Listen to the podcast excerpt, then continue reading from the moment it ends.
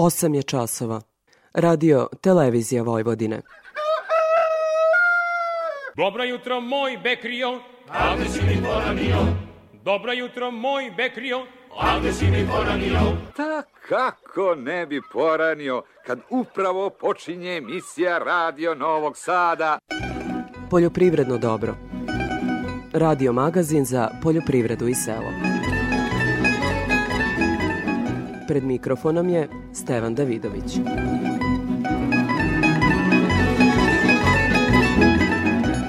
Dobro jutro.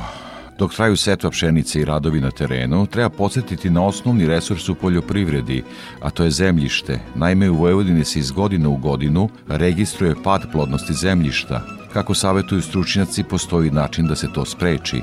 Sa druge strane, uprko smanjenom humusu, naše zemljište i dalje pogodno za gajanje bilja i u zahtevnijem organskom režimu. O tome je stručnjak Novosadskog instituta za ratarstvo i povrtarstvo Jovica Vasin a, moramo biti svesni da su naša zemljišta i pored ovih degradacijnih procesa još uvek vrlo dobra i pogodna za organsku proizvodnju. Jedan od dokaza je i ova dugoročna analiza tih teških metala u zemljištima Vojvodine. Mi u vrlo redkim slučajevima a, nalazimo sadržaj teških metala koji su iznad maksimalno dozvoljenih količina koje su propisane zakonom. Kako sprečiti gubitak humusa u zemljištu, govorimo u temi emisije. U emisiji možete čuti i zapis o ovčarstvu kao i drugim aktuelnostima o agraru.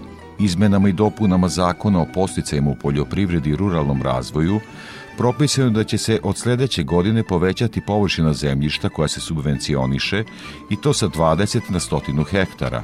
Novo je i to da će subvencije dobiti samo oni koji zemlju obrađuju, što znači da će subvencije dobijati i poljoprivrednici koji obrađuju tuđu zemlju, a posticaj neće biti davani onima koji su vlasnici zemlje, ali je ne obrađuju. Poslanici u Skupštini Srbije potvrdili su više sporazuma, među kojima sporazum o slobodnoj trgovini sa Kinom, kao i sporazum o mehanizmima prehrambene sigurnosti na Zapadnom Balkanu. Toliko uvodu sledi muzika pa izveštaj agrometeorologa.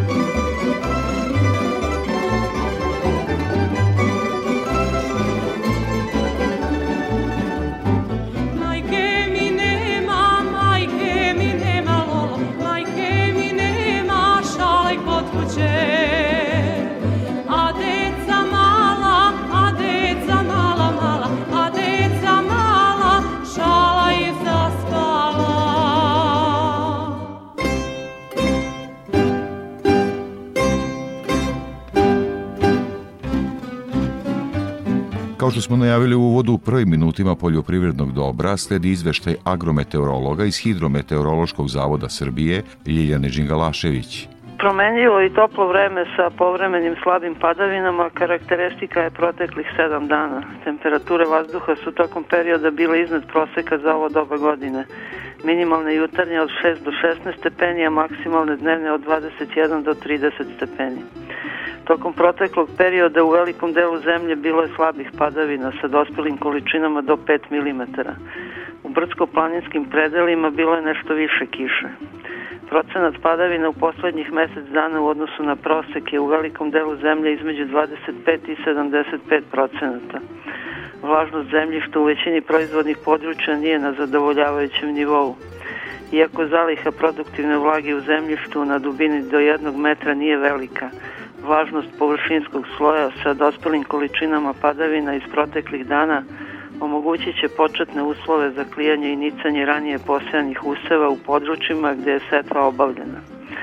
Optimalni rok za jesenju setva ozime pšenice u našem podneblju je tokom oktobra.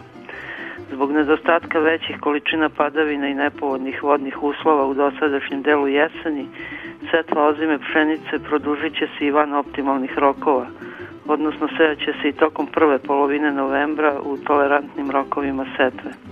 U poniklim usevima pšenice i ječma se registruje prisustvo listnih vaši i cikada, koje su, pored direktnih šteta koje prouzrokuju svojom ishranom na biljkama, značajne i kao prenosioci fitopatogenih virusa. Trenutni uslovi u proizvodnji sa visokim dnevnim temperaturama pogoduju povećanoj aktivnosti listnih vaši i cikada, što povećava i rizik od zaraze mladih biljaka virusima. Ukoliko dođe do zaraza u početnim fazama razvoja biljaka, štete mogu biti veoma velike. Prema prognozi narednih dana se zadržava promenljivo oblično i toplo vreme sa dnevnom temperaturom i dalje iznad proseka za ovo doba godine. Prolazna na oblačenja sa kišom i pljuskovima i manjim padom temperature očekuju se utorak, sredu i krajem naredne sedmice. Za Radio Novi Sad iz Republičkog hidrometeorološkog zavoda Ljiljana Đingalašević.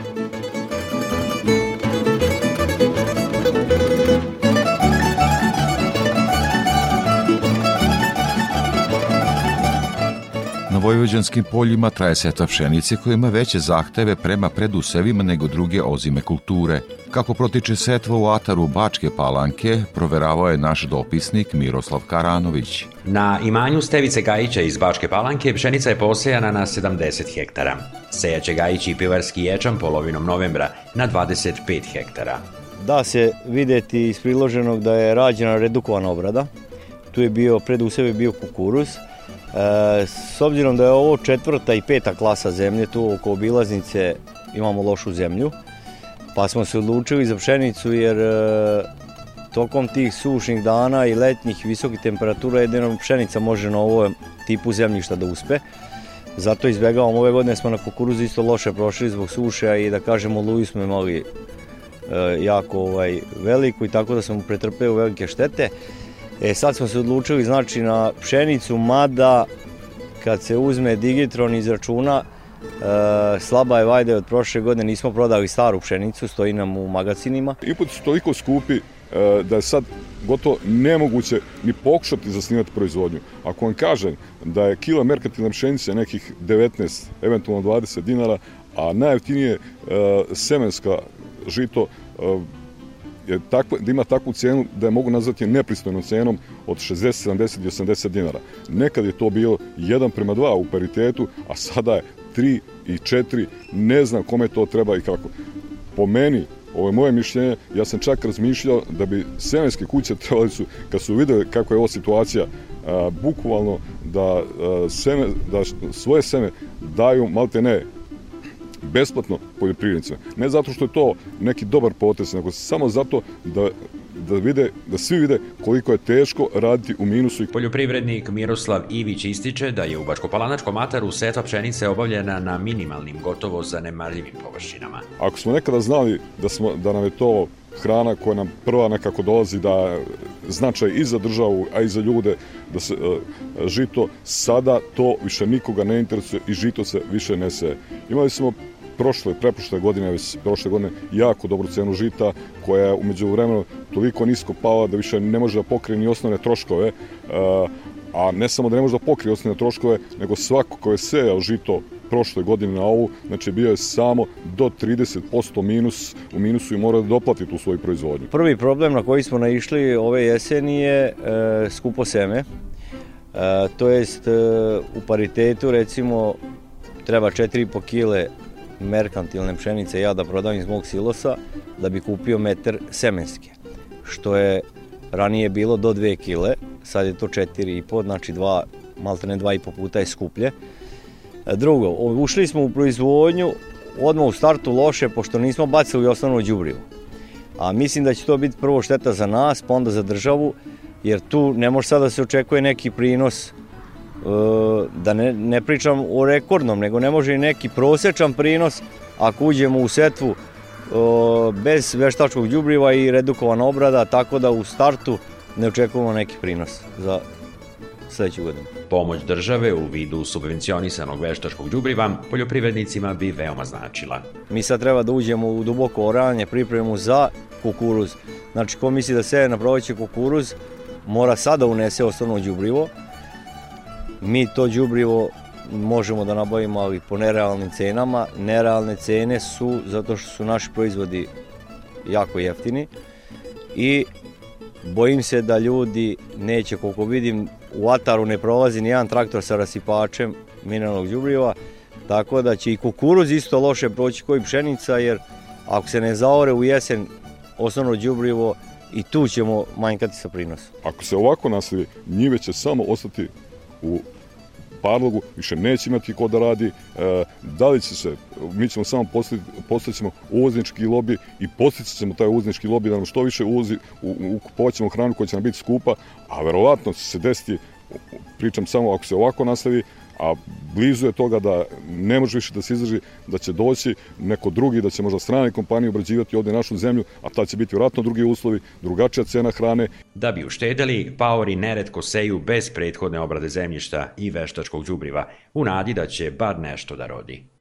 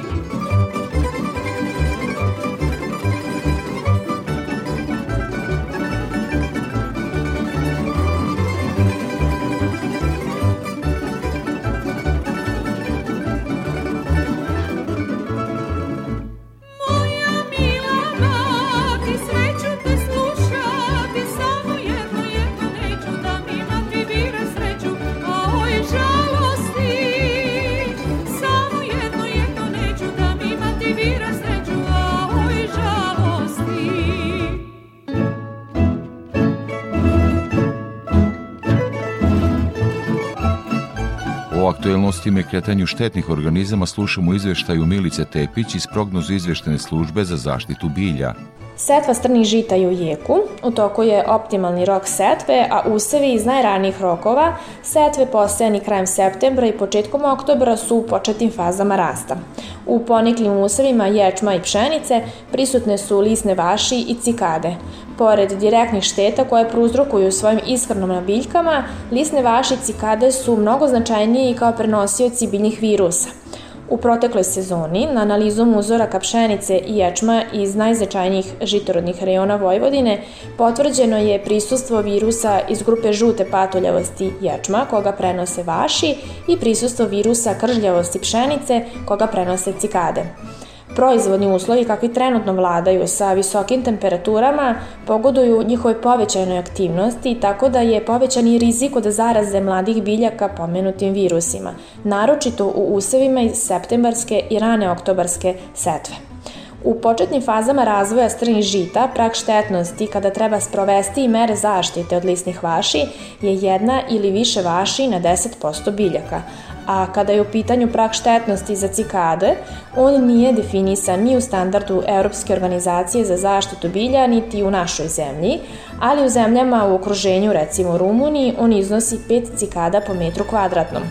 Proizvođačima se preporučuju redovni pregledi poniklih useva, pšenice i ječma na prisustvo štetočina i po postizanju pragova štetnosti primjena nekog od registrovanih insekticida. Ono na šta ratari proizvođači ozimih strnina takođe treba da obrate pažnju jeste i prisustvo poljskih glodara koji se u ovom jesenjem periodu na parcelama pod strnim žitima prvo hrane semenom, a kasnije nakon nicanja useva nastavljaju svoju aktivnost oštećujući nadzemne i podzemne delove izniklih biljaka. Apelujemo poljoprivrednim proizvođačima da stalno obilaze i pregledaju novoposejane useve strnih žita na prisustvo glodara i po utvrđivanju pragova štetnosti primene registrovane rodenticidne mamke u aktivne rupe. Kada je u pitanju voćarska proizvodnja, sada je pravo vreme da se sprovede jesenji tretman preparatima na bazi bakra. On je od izuzetne važnosti jer smanjuje infektivni potencijal mnogih bakterioznih i gljivičnih oboljenja, ali takođe služi i za dezinfekciju samih stabala. Važno je napomenuti da se tretman sprovodi kada opadne oko 70% lisne mase, kako bi se preparat zadržao na granama i grančicama i sa većom količinom vode, kako bi depozit preparata dospeo na celokupnu površinu krošnje i stabla. Tretman bakrom je naročito preporučljiv u voćnjacima slabije kondicije, gde je zbog nekoliko faktora došlo do retrovegetacije i novog cvetanja. Ovo se desilo pre svega zbog ranijeg opadanja lišća, a uzrok tome je neadekvatna zaštita od biljnih bolesti, koje su ove godine zbog smene velike količine padavina i sušnih perioda favorizovane. U voćnjacima gde je ovaj fenomen prisutan u većoj meri, potrebno je rezidbu uraditi pre zime, a nakon toga sprovesti pomenuti tretman bakrom. Detaljnije informacije o štetnim organizmima i merama njihove kontrole u usevima i zasadima naši slušalci mogu pogledati na portalu prognozno izveštene službe za zaštitu bilja, odakle se javlja Milica Tepić.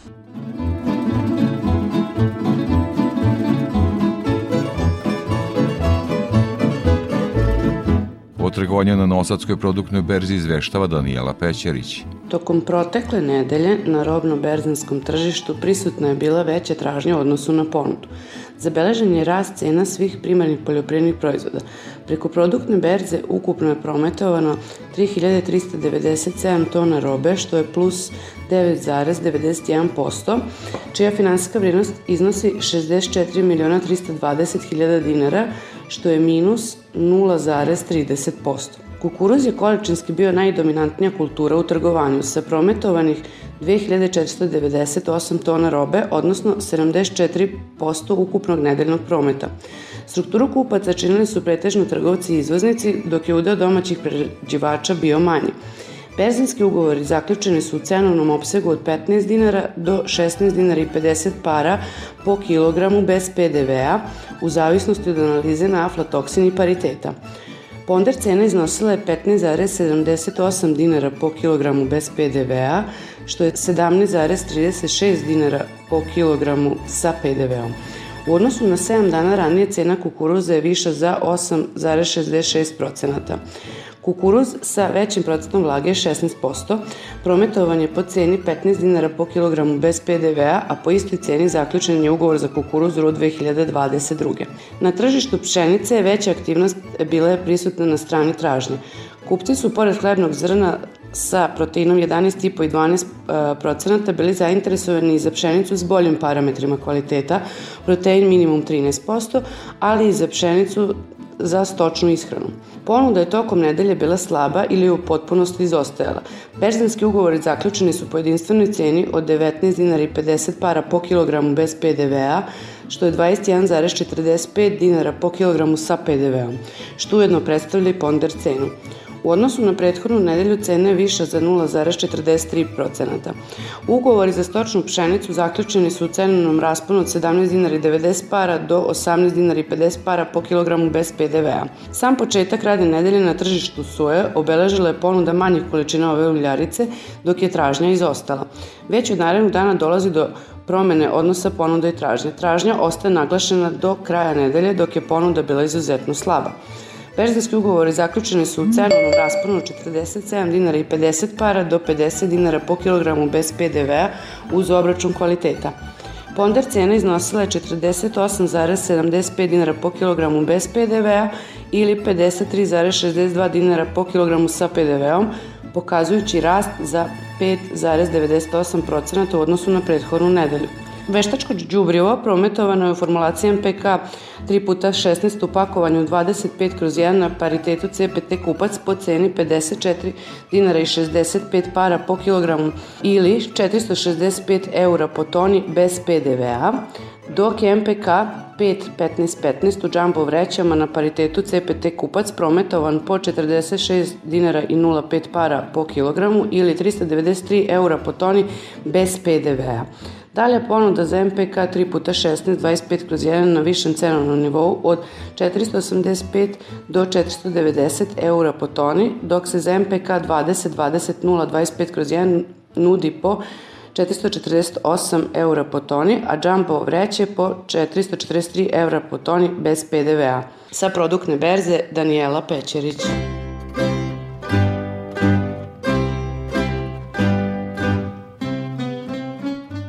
Kao i svake nedelje pratimo izveštaj o cenama sa tržišta žive stoke.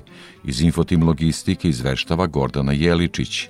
Tokom nedelje naši saradnici tovne svinje sa farme oglašavali su po ceni od 250 do 260 dinara po kilogramu, tovljanike sa mini farme po ceni od 250 do 265 dinara po kilogramu, a tovljanike iz otkupa po ceni od 255 do 260 dinara po kilogramu.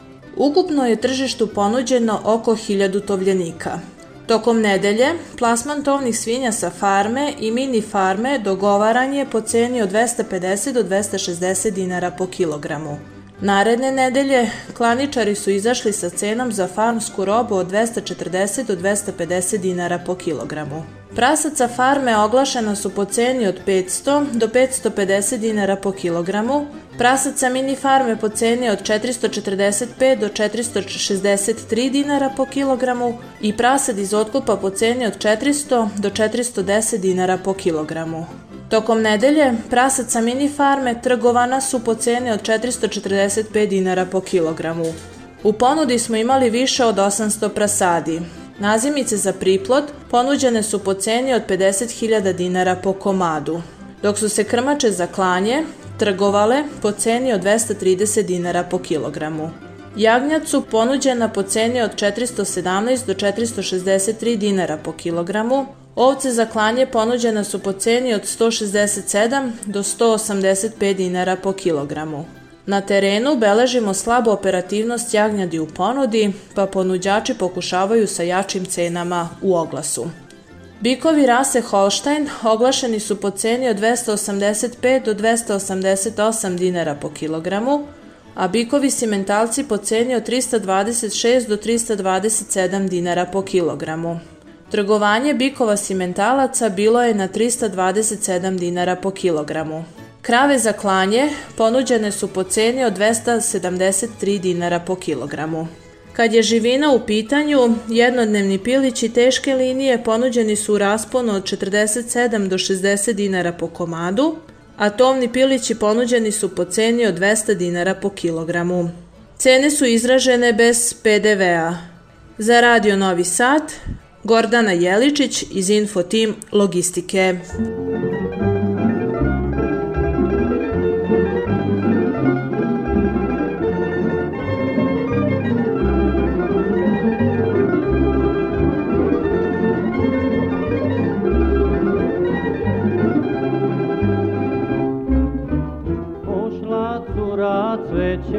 Vrati, hoće meni poklon dati.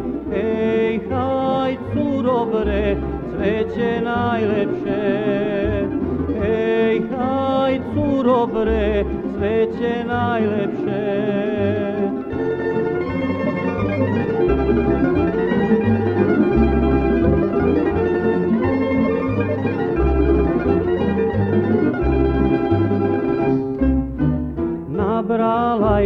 Karanfila, pa ga meni poklonila.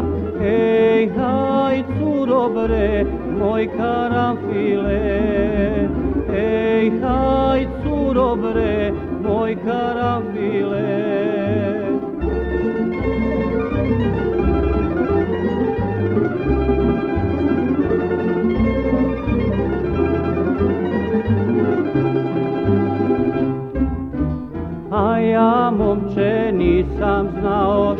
Bi curi darivao Ej, haj, curo bre, zavolik tebe.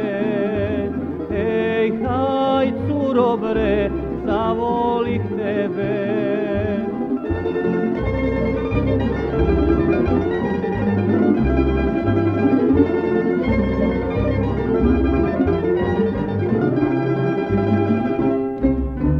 Pa joj skido bez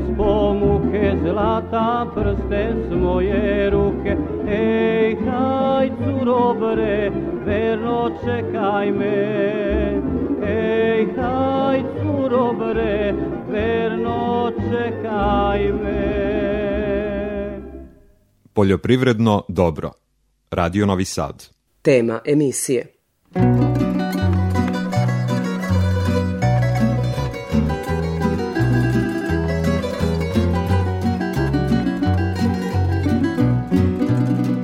Temi emisije govorimo o plodnosti vojvođanskih oranica.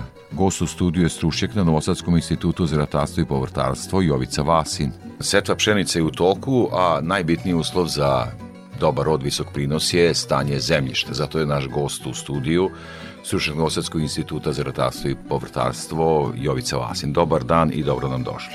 Dobar dan, bolje vas našao. Dakle, setva pšenice u toku. Kako je stanje na terenu i kako je stanje zemljišta? Generalno je to vrlo teško reći s obzirom na heterogenost naših zemljišta u Vojvodini. Do pravih informacija možemo doći jedino analizama zemljišta, odnosno uzorkovanjem zemljišta i analizama u odgovarajućim laboratorijama. Kad smo već kod toga da se pohvalim da je naša laboratorija za zemljište i agroekologiju Instituta za ratarstvo i povrtarstvo od pre nekih meseci i po dva dana dobila status referentne laboratorije, jedine referentne laboratorije u Republici Srbiji od Ministarstva poljoprivrede uprave za poljoprivredno zemljište. Teško je reći generalno kako je stanje zemljišta, šta pokazuju analize koje radite? Mi radimo analize, izvor uzoraka, analiza je vrlo raznolika, ali posebno bih istakao akcije pokrajinskog sekretarijata za poljoprivredu vodoprivredu i šumarstvo koju već u dužem nizu godina, već je to dve decenije, ovaj, radi tu akciju besplatnih analiza koja za naše poljoprivredne proizvođače znači ne, ne samo da bi učestvovali u njoj, nego i da ukaže na značaj informacija koje dobijamo analiza, analizama zemljišta i da rade te analize i kada ta akcija nije u toku. Ove godine, s obzirom na već datum koji je u toku, ovaj, ta akcija je pri kraju, možda u pojedinim poljoprivrednim stručnim službama još uvijek ima slobodnih mesta u, u dobijenim kvotama, ali kažem pozivam poljoprivredne proizvođače da rade analize zemljišta zato što im se one isplate i kada ih plaćaju. Tu ste mi u pripremi za razgovor jedan ovako jednu ilustraciju dobru dali. Primer je bio automobil koji da. u principu svi vozimo i menjanje ulja u motoru. Pa, to je slično i sa analizom zemljišta. Da, napravili smo paralelu ovaj, kao što je kupovina tog ulja predstavlja trošak, ali svi znamo da to ulje predstavlja jednu od osnova za funkcionisanje sistema, odnosno za funkcionisanje vozila koja je neophodna i koja štedi velike pare ukoliko ne uradimo tu zamenu ulja. Isto tako je i a, trošak, da ga tako nazovemo, analize zemljišta zanemarljivo mali u odnosu na korist koju daju te informacije. A, naravno, mi u našim analizama zemljišta ne dajemo samo rezultate analiza, nego dajemo i preporuke. To je ono što poljoprivrednom proizvođaču puno znači, kako da iz svog zemljišta može da obezbedi onaj genetski potencijal biljaka, maksimalne prinose, kako bi dobio što veći profit. Često imamo slučaj da je zemljište već dobro obezbeđeno nekim hranivima, i da je nepotrebno džubriti. Nažalost, još češće je slučaj da smo u deficitu sa hranivima u zemljištu i da treba da odredimo, ali onu pravu količinu, kažem, hraniva kako bi biljka dala svoj maksimum. Evo nas prati niska cena u ratarstvu na berzama, sa jedne strane je visoka cena đubriva. Koliko uštede zapravo pravi analiza zemljišta? analizom zemljišta, odnosno tom informacijom mi možemo da znamo kakva je situacija u tom zemljištu i da li je dobro izostaviti đubrenje sa mineralnim đubrima, ne treba to raditi na pamet, jer možemo ugroziti profit proizvođača, a to je ono što na kraju svaki proizvođač i želi. Znači, trebalo bi tačno utvrditi koje hraniva je u nedostatku i koliko ga treba dodati. Generalno posmatrano, sad ako biste mogli u nekim procentima, ono što ste izanalizirali, šta pokazuju generalno, ako bi mogli da ne idemo od parcele do pa, parcele, ne, naravno ne samo da je ove to. godine, nego, nego čitav trend, godina, da. trend od ranijih godina, evo, prvi put 2022. godine u toj akciji gde je urađeno negde preko 5000 uzoraka, što je zavidan broj uzoraka zemljišta i to raspoređenih po celoj Vojvodini, tako da možemo da dajemo neke zaključke. Znači, prvi put u eto, proteklih 20 godina od kada ta akcija traje, ovaj se desilo da je recimo sadržaj humusa, odnosno organske materije, ispod 3% u proseku. To je pokazatelj koji je vrlo loš. Mi smatramo taj degradacijani proces opadanja sadržaja organske materije u zemljištu tihim ubicem našeg zemljišta. Tihi zato što traje u dužem vremenskom periodu, a ubica je, naravno to je malo jača reč, ali nažalost nije daleko od istine zato što smanjuje proizvodne sposobnosti naših zemljišta. Naše zemljišta su sve manje i manje plodna. Često se u javnosti ovaj spominje i izraz da će vojvođanske njive postati pustinje. Naravno da je to preterano i ovaj nije odgovarajuće istini, ali da nam se plodno zemljišta rapidno smanjuje, to je istina i protiv toga moramo delovati. I postoje nekoliko naših preporuka, načina ovaj, kako taj, recimo, jedan od degradacijnih procesa ublažiti i okrenuti taj proces u onom pravcu koji je, smeru koji je koristan za proizvođača. Naravno, tu je džubrenje organskim džubrinima prva, prvo, prvo rešenje, stajnjakom, međutim stajnjaka ne imamo dovoljno zbog smanjenog stočnog fonda i to kvalitetnog stajnjaka i ono malo što imamo često bude loše tretirano i loše proizvedeno, čak ima izraz gajeno, gajenje, stajnjaka, ovo jer ima sadrž, ili ima korova i sličnih nedostataka, tako da kažem stajnjaka nemamo dovoljno i u toj situaciji moramo naći šta može barem delom zameniti ovo glavno organsko đubrivo, to su različite vrste komposta iz prehrambenih industrija, nus proizvoda iz prehrambenih industrija i recimo jedna stara agrotehnička mera ovaj, koju su i naši preci radili, mi smo u poslednje vreme zanemarili, a vrlo je korisna, to je zelenišno đubrenje. Odnosno gajenje biljaka koje u kratkom vremenskom roku a, proizvedu veliku vegetativnu masu i zaoravanje tih biljaka, odnosno te vegetativne mase, daje rezultate da se povećava sadržaj humusa u zemljištu.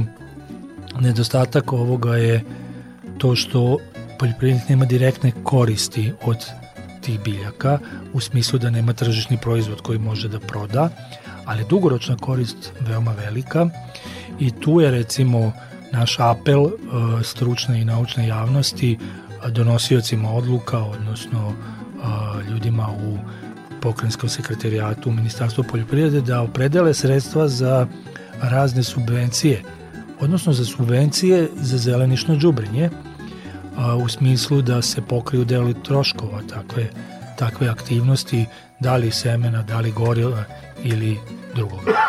Takođe, jedan od uslova prilikom izdavanja državnog zemljišta u zakupu je da onaj ko je zakupac mora u tom periodu na koliko a to su duži rokovi vremenski, da odradi sideraciju i da time zadrži kvalitet tog poljoprivrednog zemljišta u državnom vlasništvu, što je naravno interes šire zajednice. Koliko navodnjavanje zemljišta samo potencira ovaj problem padanja procenta humusa? Navodnjavanje je odmah da u startu kažemo vrlo korisna agrotehnička mera i treba je primjenjivati i treba povećavati površine jer ona stabilizuje poljoprivrednu proizvodnju pogotovo u ovim uslovima izmenjene klime kada jedne godine imamo optimalnu količinu padavina, a onda imamo nekoliko godina ili u suvišku ili u deficitu, tako da navodnjavanje, kažem, je korisna mera. Ali kao i kod mnogih drugih mera koje čovek preduzima, cilja se samo jedan cilja, ne gledaju se ostali efekti. Ukoliko navodnjavanje nije praćeno sa đubrenjem, organskim đubrima, ono neminovno ubrzava proces opadanja sadržaja humusa, organske materije u zemljištu. To su pokazala razne istraživanja u dosta ponavljanja na različitim lokalitetima i to je za naše agroekološke uslove nepobitna činjenica. O tome treba voditi računa kada se projektuje sistem za navodnjavanje. Nažalost, često naši sistemi za navodnjavanje se ne projektuju ni na osnovu fizičkih i hemijskih osobina zemljišta koje postoje, a pogotovo ne vode računa o nekom dugoročnom efektu, to treba izmeniti zakonskom regulativom, inspekcijskom kontrolom, znači si, podizanje sistema za navodnjavanje i korišćenje vode za navodnjavanje na našem poljoprivrednom zemljištu je vrlo kompleksan proces i treba ispratiti sve detalje takvog procesa. Za dobijanje mnogih sertifikata geografskog porekla i tako dalje, neophodno je da se u papirima, da tako kažem, zakonski nađe i sastav zemljišta. I tu ste aktivni. Tako je, da. O, naše ministarstvo za poljoprivredu, odnosno odsek za vinogradarstvo i vinarstvo je u proteklom periodu davalo subvencije, odnosno pravljeni su projekti za različite geografske reone vinogradarske da se dobije status, da vino dobije status sa geografskim poreklom. Naravno, to povećava cenu vina i vinogradari, vinari su zainteresovani za to bili, tako da je naša laboratorija učestvovala u tim projektima, obišli smo praktično ovaj, celu našu Srbiju, jer e, za geografsko poreklo treba uraditi opsežan elaborat svakog tog geografskog reona, vinogradarskog reona, koji obuhvata meteorološke podatke i detaljnu analizu tih podataka i analizu zemljišta. Na osnovu toga se dobija ona specifičnost tog geografskog vinogradarskog reona koja daje njihovim vinima tu posebnu notu u odnosu na neka druga vina i na kraju krajeva, kažem, podiže podiže cenu vina. I za kraj razgovora spomenuli ste izuzetno bitnu stvari kao institut od nacionalnog značaja i referentna ste laboratorija za zemljište. Tako. Šta su planovi u narednom periodu? Pa mi smo laboratorija koja se nalazi u institutu od nacionalnog značaja za Republiku Srbiju, odnosno mi smo istovremeno i naučna laboratorija i komercijalna laboratorija. Pokušavamo da spojimo praksu i nauku i da a, inoviramo i metode kojima radimo analize, a, da inoviramo preporuke, da one budu što korisnije poljoprivrednom proizvođaču, a kažem, još jedan detalj je možda zanimljivo dodati kod ove akcije u poslednje vreme, ne, pored onih analiza koje se odnose samo na osnovne parametre plodnosti, a, rade se i analize dodatne, recimo sadržaj teških metala. To bi trebalo naglasiti, pošto je nama zemljište u Republici Srbiji, pogotovo u Vojvodini, jedan od osnovnih resursa, a, moramo biti svesni da su naša zemljišta i pored ovih degradacijnih procesa još uvek vrlo dobra i pogodna za organsku proizvodnju. Jedan od dokaza je i ova dugoročna analiza tih teških metala u zemljištima Vojvodine. Mi u vrlo redkim slučajevima nalazimo sadržaj teških metala koji su iznad maksimalno dozvoljenih količina koje su propisane zakonom i najčešće su to vrednosti koje su geohemijskog porekla, odnosno prirodna, recimo prirodan sadržaj nikla u zemljištima Srema najčešće. Ono što je antropogenog porekla, skoro isključivo je to uzrok, je u sadržaj bakra, nešto malo povećan sadržaj bakra u zemljištima vinograda koji su u tom načinu proizvodnje u više decenijskom proizvodnji pa čak i vekovnoj znamo da se vino proizvodi vinogradi su u, u ovaj sremu još od rimskog doba ali znači ta duža, duže korišćenje bakarnih preparata je dovelo do a, povećanog sadržaja bakra, uz, ali samo u redkim uzorcima zemljišta. To nije čest slučaj. Odnosno, hoću da kažem, a, da mi imamo još uvek nezagađena zemljišta, još uvek relativno plodna i da treba na osnovu informacija koje imamo o našim zemljištima e, se truditi da taj kvalitet zemljišta održimo, jer nam je to, kažem, jedan od osnovnih resursa kojem raspolažemo. Stručnjak u Institutu za ratarstvo i povrtarstvo u Novom Sadu, stručnjak za poljoprivredno zemljište, Jovica Vasin, veliko vam hvala za učešće u programu Radio Novog Sada. Hvala vama što nam dajete priliku da naše informacije pružimo vašem, vašim slušalcima.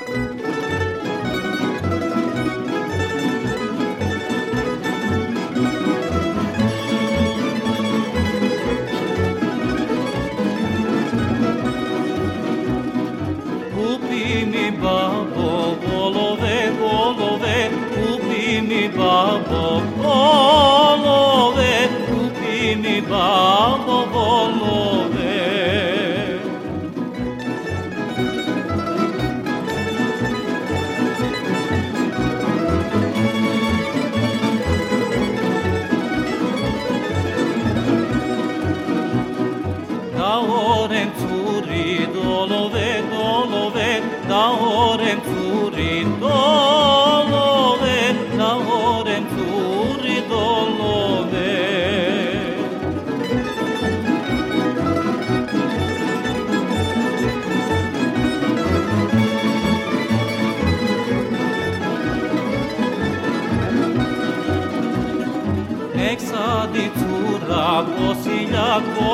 სილაკ ეგსადი ცურა ოსილა ეგსადი ცურა პოსილა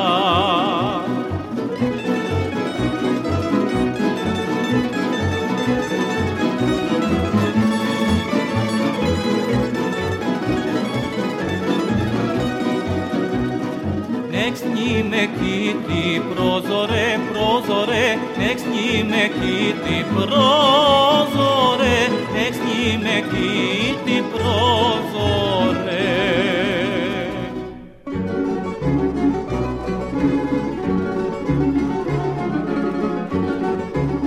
Prelazimo na stočarstvo. O tržišnim uslovima u ovčarstvu i problemima sa plasmanom razgovarao sam sa farmerom u Lapovu, Vladimirom Pavlovićem. Zapravo, ti sa svojim bratom imaš farmu. Da, da, ja i brat imamo farmu, farmu se zove Braća Pavlović. Imali smo 80 grla uh, ovaca, sad trenutno smo spali na 60 i verovatno će da smanjimo još, još neki broj. Tako da... Vladimire, da šta je razlog tome? Mnogo niska cena jagnjadi, tako da više jednostavno nema te računice da se čuva i da se gaji. A ko su vam bili kupci jagnjadi ranijih godina? Znači, pečenjare su uglavnom najviše kupovale, međutim ove godine je cena mizerna je bila 300 dinara, na tu cenu se mi ne, ne uklapamo, tako da smo rešili da to smanjimo i rešavamo još da, da, da smanjimo. Ranije godina šta je bilo sa ovčarstvom? Dosta se govorilo o toj grani agrara kao perspektivnoj. Pa da, bilo je u nekoj ekspanziji, međutim sad je to, da kažem, prešlo u nekom naglom opadanju. Nema više nešto ni kupaca kao pre što je bilo. Svelo se to na, na te pečenjare, oni diktiraju cene kako njima odgovaraju. Nama od, obaraju cenu jagnjadi, a u pečenjarama raste cena pečenja. Znači, nema partnerskog odnosa vas Da, i prerađivača. da, baš, tako da. baš, baš tako. I cene žitarica su ove godine bile mizerne, tako da smo i radili smo i nešto iz zemlje za tipa za, za prodaju tih žitarica, tako da smo i tu smanjili od, od 35 hektara, spali smo na 15 hektara, čisto da imamo za te naše potrebe trenutno što imamo tih ovaca, tako da smo i to, to smanjili jer ove godine je cena svih žitarica bila baš, baš mizerna, tako da smo cele godine bili u, u minusu i što se tiče jagnjadi i što se tiče žitarica. Ne nadamo se više nekoj poljoprivredi kao što smo se nadali prošle godine. I reci mi, ti nisi jedini stočar, ovčar tu u kraju. Šta je sa ostalim proizvođačima? I, I oni su, znači svi ovaj, smanjuju stočni fond, smanjuju obradive površine, koliko ja znam sa s ovim prijateljima što radim, sarađujem i što se družim, i oni vraćaju zemlju i oni smanjuju, tako da I reci mi, koja je to rasa koju ti držiš? Rasa Wittenberg. To je kvalitetna rasa, mesnata rasa. Koliko si zadovoljan s time, malo ajde da pređemo s ove priče o... o, o... Pa ja sam sa, sa njom bio zadovoljan, jer to, to, to je rasa po meni koja može da da bude i na ispaši, može da bude i u toru, znači može da se, da, da, da se kombinuje i jedna i druga, i druga varijanta, a i po meni ona za sada najzastupljenija u Srbiji. A šta je sa ovim starim rasama? Pa šta znam, tu je sjeničko ovca isto i one, da kažem, u tim brdskim predelima Srbije zastupljenija, da kažem, više je izložena paši nego u tom nekom zatvorenom tovu. A što se tiče ovih drugih rasa, nešto mi i nije se tako poznato. I Ile de France, recimo, i on je sad bio trenutno u nekoj ekspanziji, ali od sve, celo toj priče ja sam, da kažem, najzadovoljniji bio sa Wittenbergom. E, ovce su poznate i po vuni kao jedan značajan proizvod. Šta je sa tim? A, vunu smo davali uglavnom za krupice so. Mm -hmm, zamenu za so. Zamenu za, za so, to od, ovi kod nas što su otkupljivali, nisu plaćali novčano, nego su uglavnom bile zamene za kupići sok koje smo posle davali ovcama da, da, da ližu i u ishrani. Reci mi, evo, pominjali smo i ostale farmere u, u, u kraju, jel se udružujete, šta se događa tu?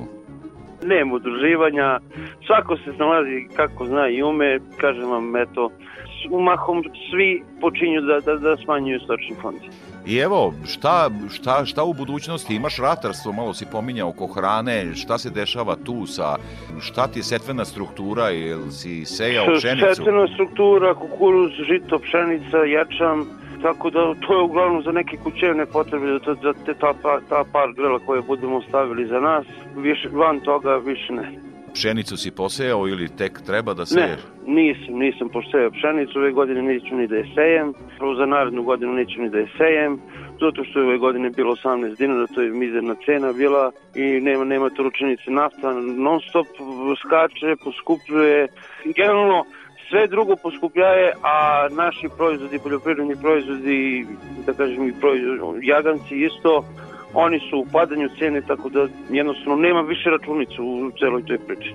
Vladimire, čućemo se narednih meseci, nadam, će, nadam se da će situacija biti bolja. Veliki pozdrav iz studija Radio Novog Sada.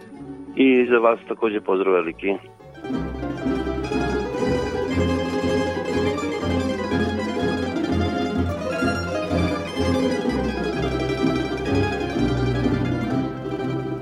Iz banju na ne milo, na ne šetan devojče.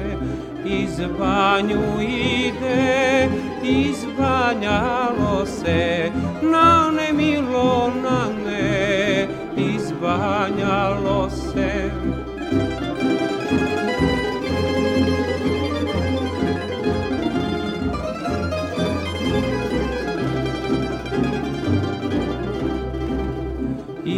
Izbanjalo se, nagizdalo se, na nemilo, na ne, nagizdalo se, nagizdalo se, nakitilo se, na nemilo, na ne, nakitilo se.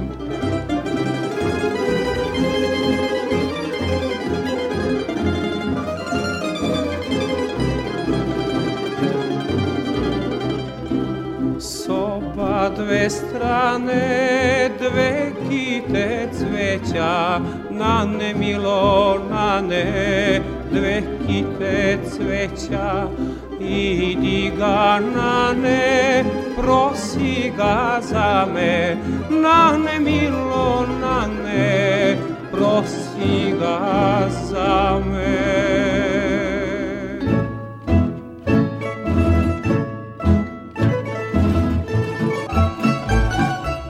Više od decenije porodice Vujić iz Opova uspešno se bavi proizvodnjom cveća. Robu prodaju na pijacama u Pančevu, Beogradu i u svom rasadniku, a ovih dana osim prodaje jesenjeg rasada, uvoliko se pripremaju za prolećnu proizvodnju, zabeležila Snežana Đurić. Porodica Vujić iz Opova proizvodnjom baštenskog i balkonskog cveća bavi se od 2011. godine. Počeli su od plastenika veličine 50 kvadratnih metara i za nešto više od decenije stigli su do 1000 kvadrata plastenika. Imaju i proizvodnju na otvorenom gde uglavnom gaje hrizanteme. Ovih dana aktuelna je prodaja jesenjih biljaka, a najviše se traže hrizanteme, dan i noć, vres, kaluna. Kaže Igor Vujić, vlasnik rasadnika Florenca. Najviše robe prodamo u rasadniku, ali prodajemo e, osim toga i na lokalnim pijacama, prodajemo robu i na malo i na veliko, tako da ovaj, nosimo našu robu i u Pančevu i u Borču i, i dalje i do Umke, čak imamo kupce, ovaj, a, ali naj, na, ipak najviše prodamo ovde u samom rasadniku. Uveliko je počela i priprema prolećne proizvodnje. Uz dosta rada i ulaganja, gajanje cveća može da bude unosan posao kaže Igor Vujić. Dugačak je put do tog nekog, da kažem, uspeha. Ja ga ni ne gledam toliko finansijski koliko onako da napravim da taj rasadnik izgleda onako kako sam ja zamislio, da napravimo, na primjer, jedan prodajni centar gde ćemo samo prodavati, da ovde možemo se bavimo samo proizvodnjom. Mi i dalje ulažemo i dalje pravimo plastenike, proširujemo proizvodnju, Evo ove godine smo imali te oluje koje su nas zadesile, tako da ne samo nas, nego i mnoge kolege. Stradali su nam plastenici, kome najlon, kome i cela konstrukcija, tako da eto, velika su, velika su ulaganja u, u inače u celu sezonu. Vujićima je stradao najlon u najvećem plasteniku. Štetu su otklonili i u planu im je da sledeće godine naprave još jedan plastenik. Trenutno gaje hrizanteme na 500 kvadratnih metara otvorenog prostora, a nameravaju da uskoro kupe i liznajme plac kako bi proširili i proizvodnju hrizantema.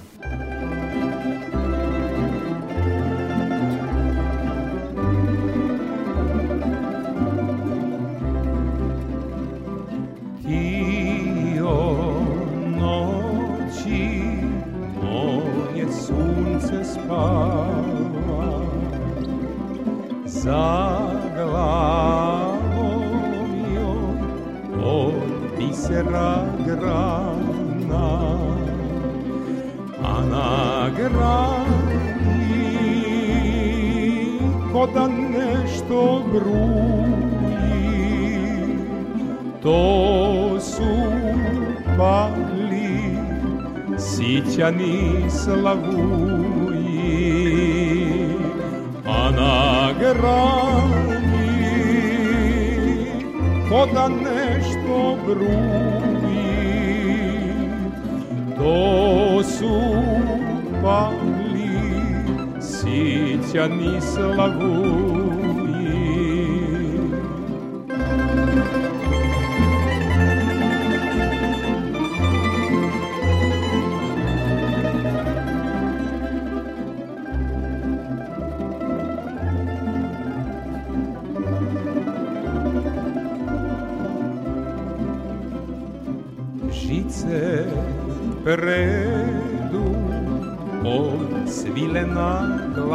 Glasa od kalijoj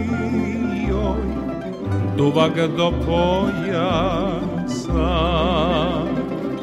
pokrili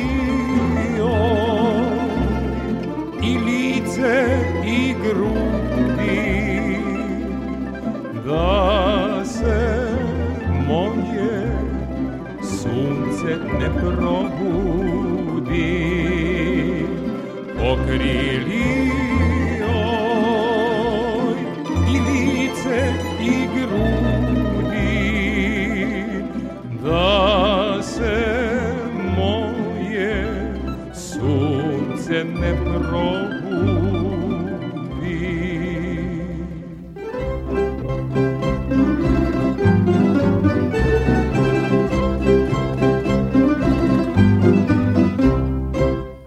emisije još jednom prognoza za narednu sedmicu. Iz Hidrometeorološkog zavoda Srbije Ljiljana Đingalašević. Prema prognozi narednih dana se zadržava promenljivo oblično i toplo vreme sa dnevnom temperaturom i dalje iznad proseka za ovo doba godine. Prolazna na oblačenja sa kišom i pljuskovima i manjim padom temperature očekuju se utorak, sredu i krajem naredne sedmice.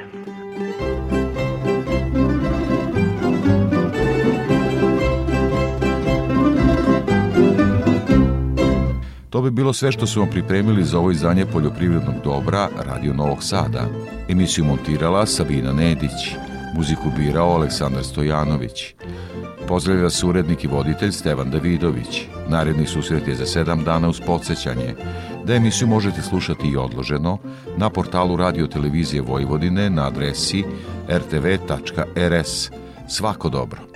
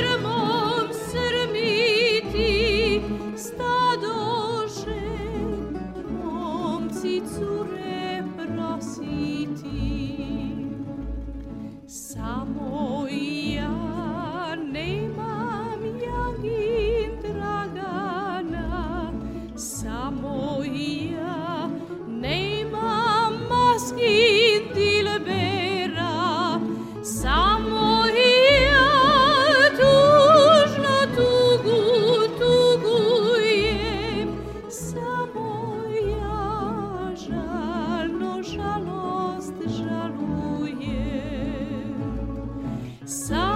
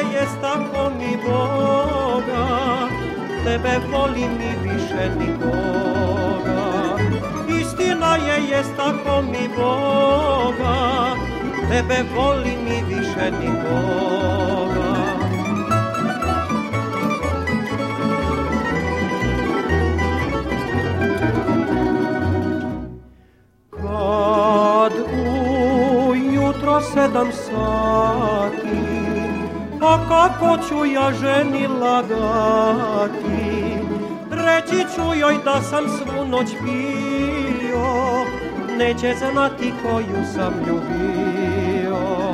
Reći ću joj da sam svu noć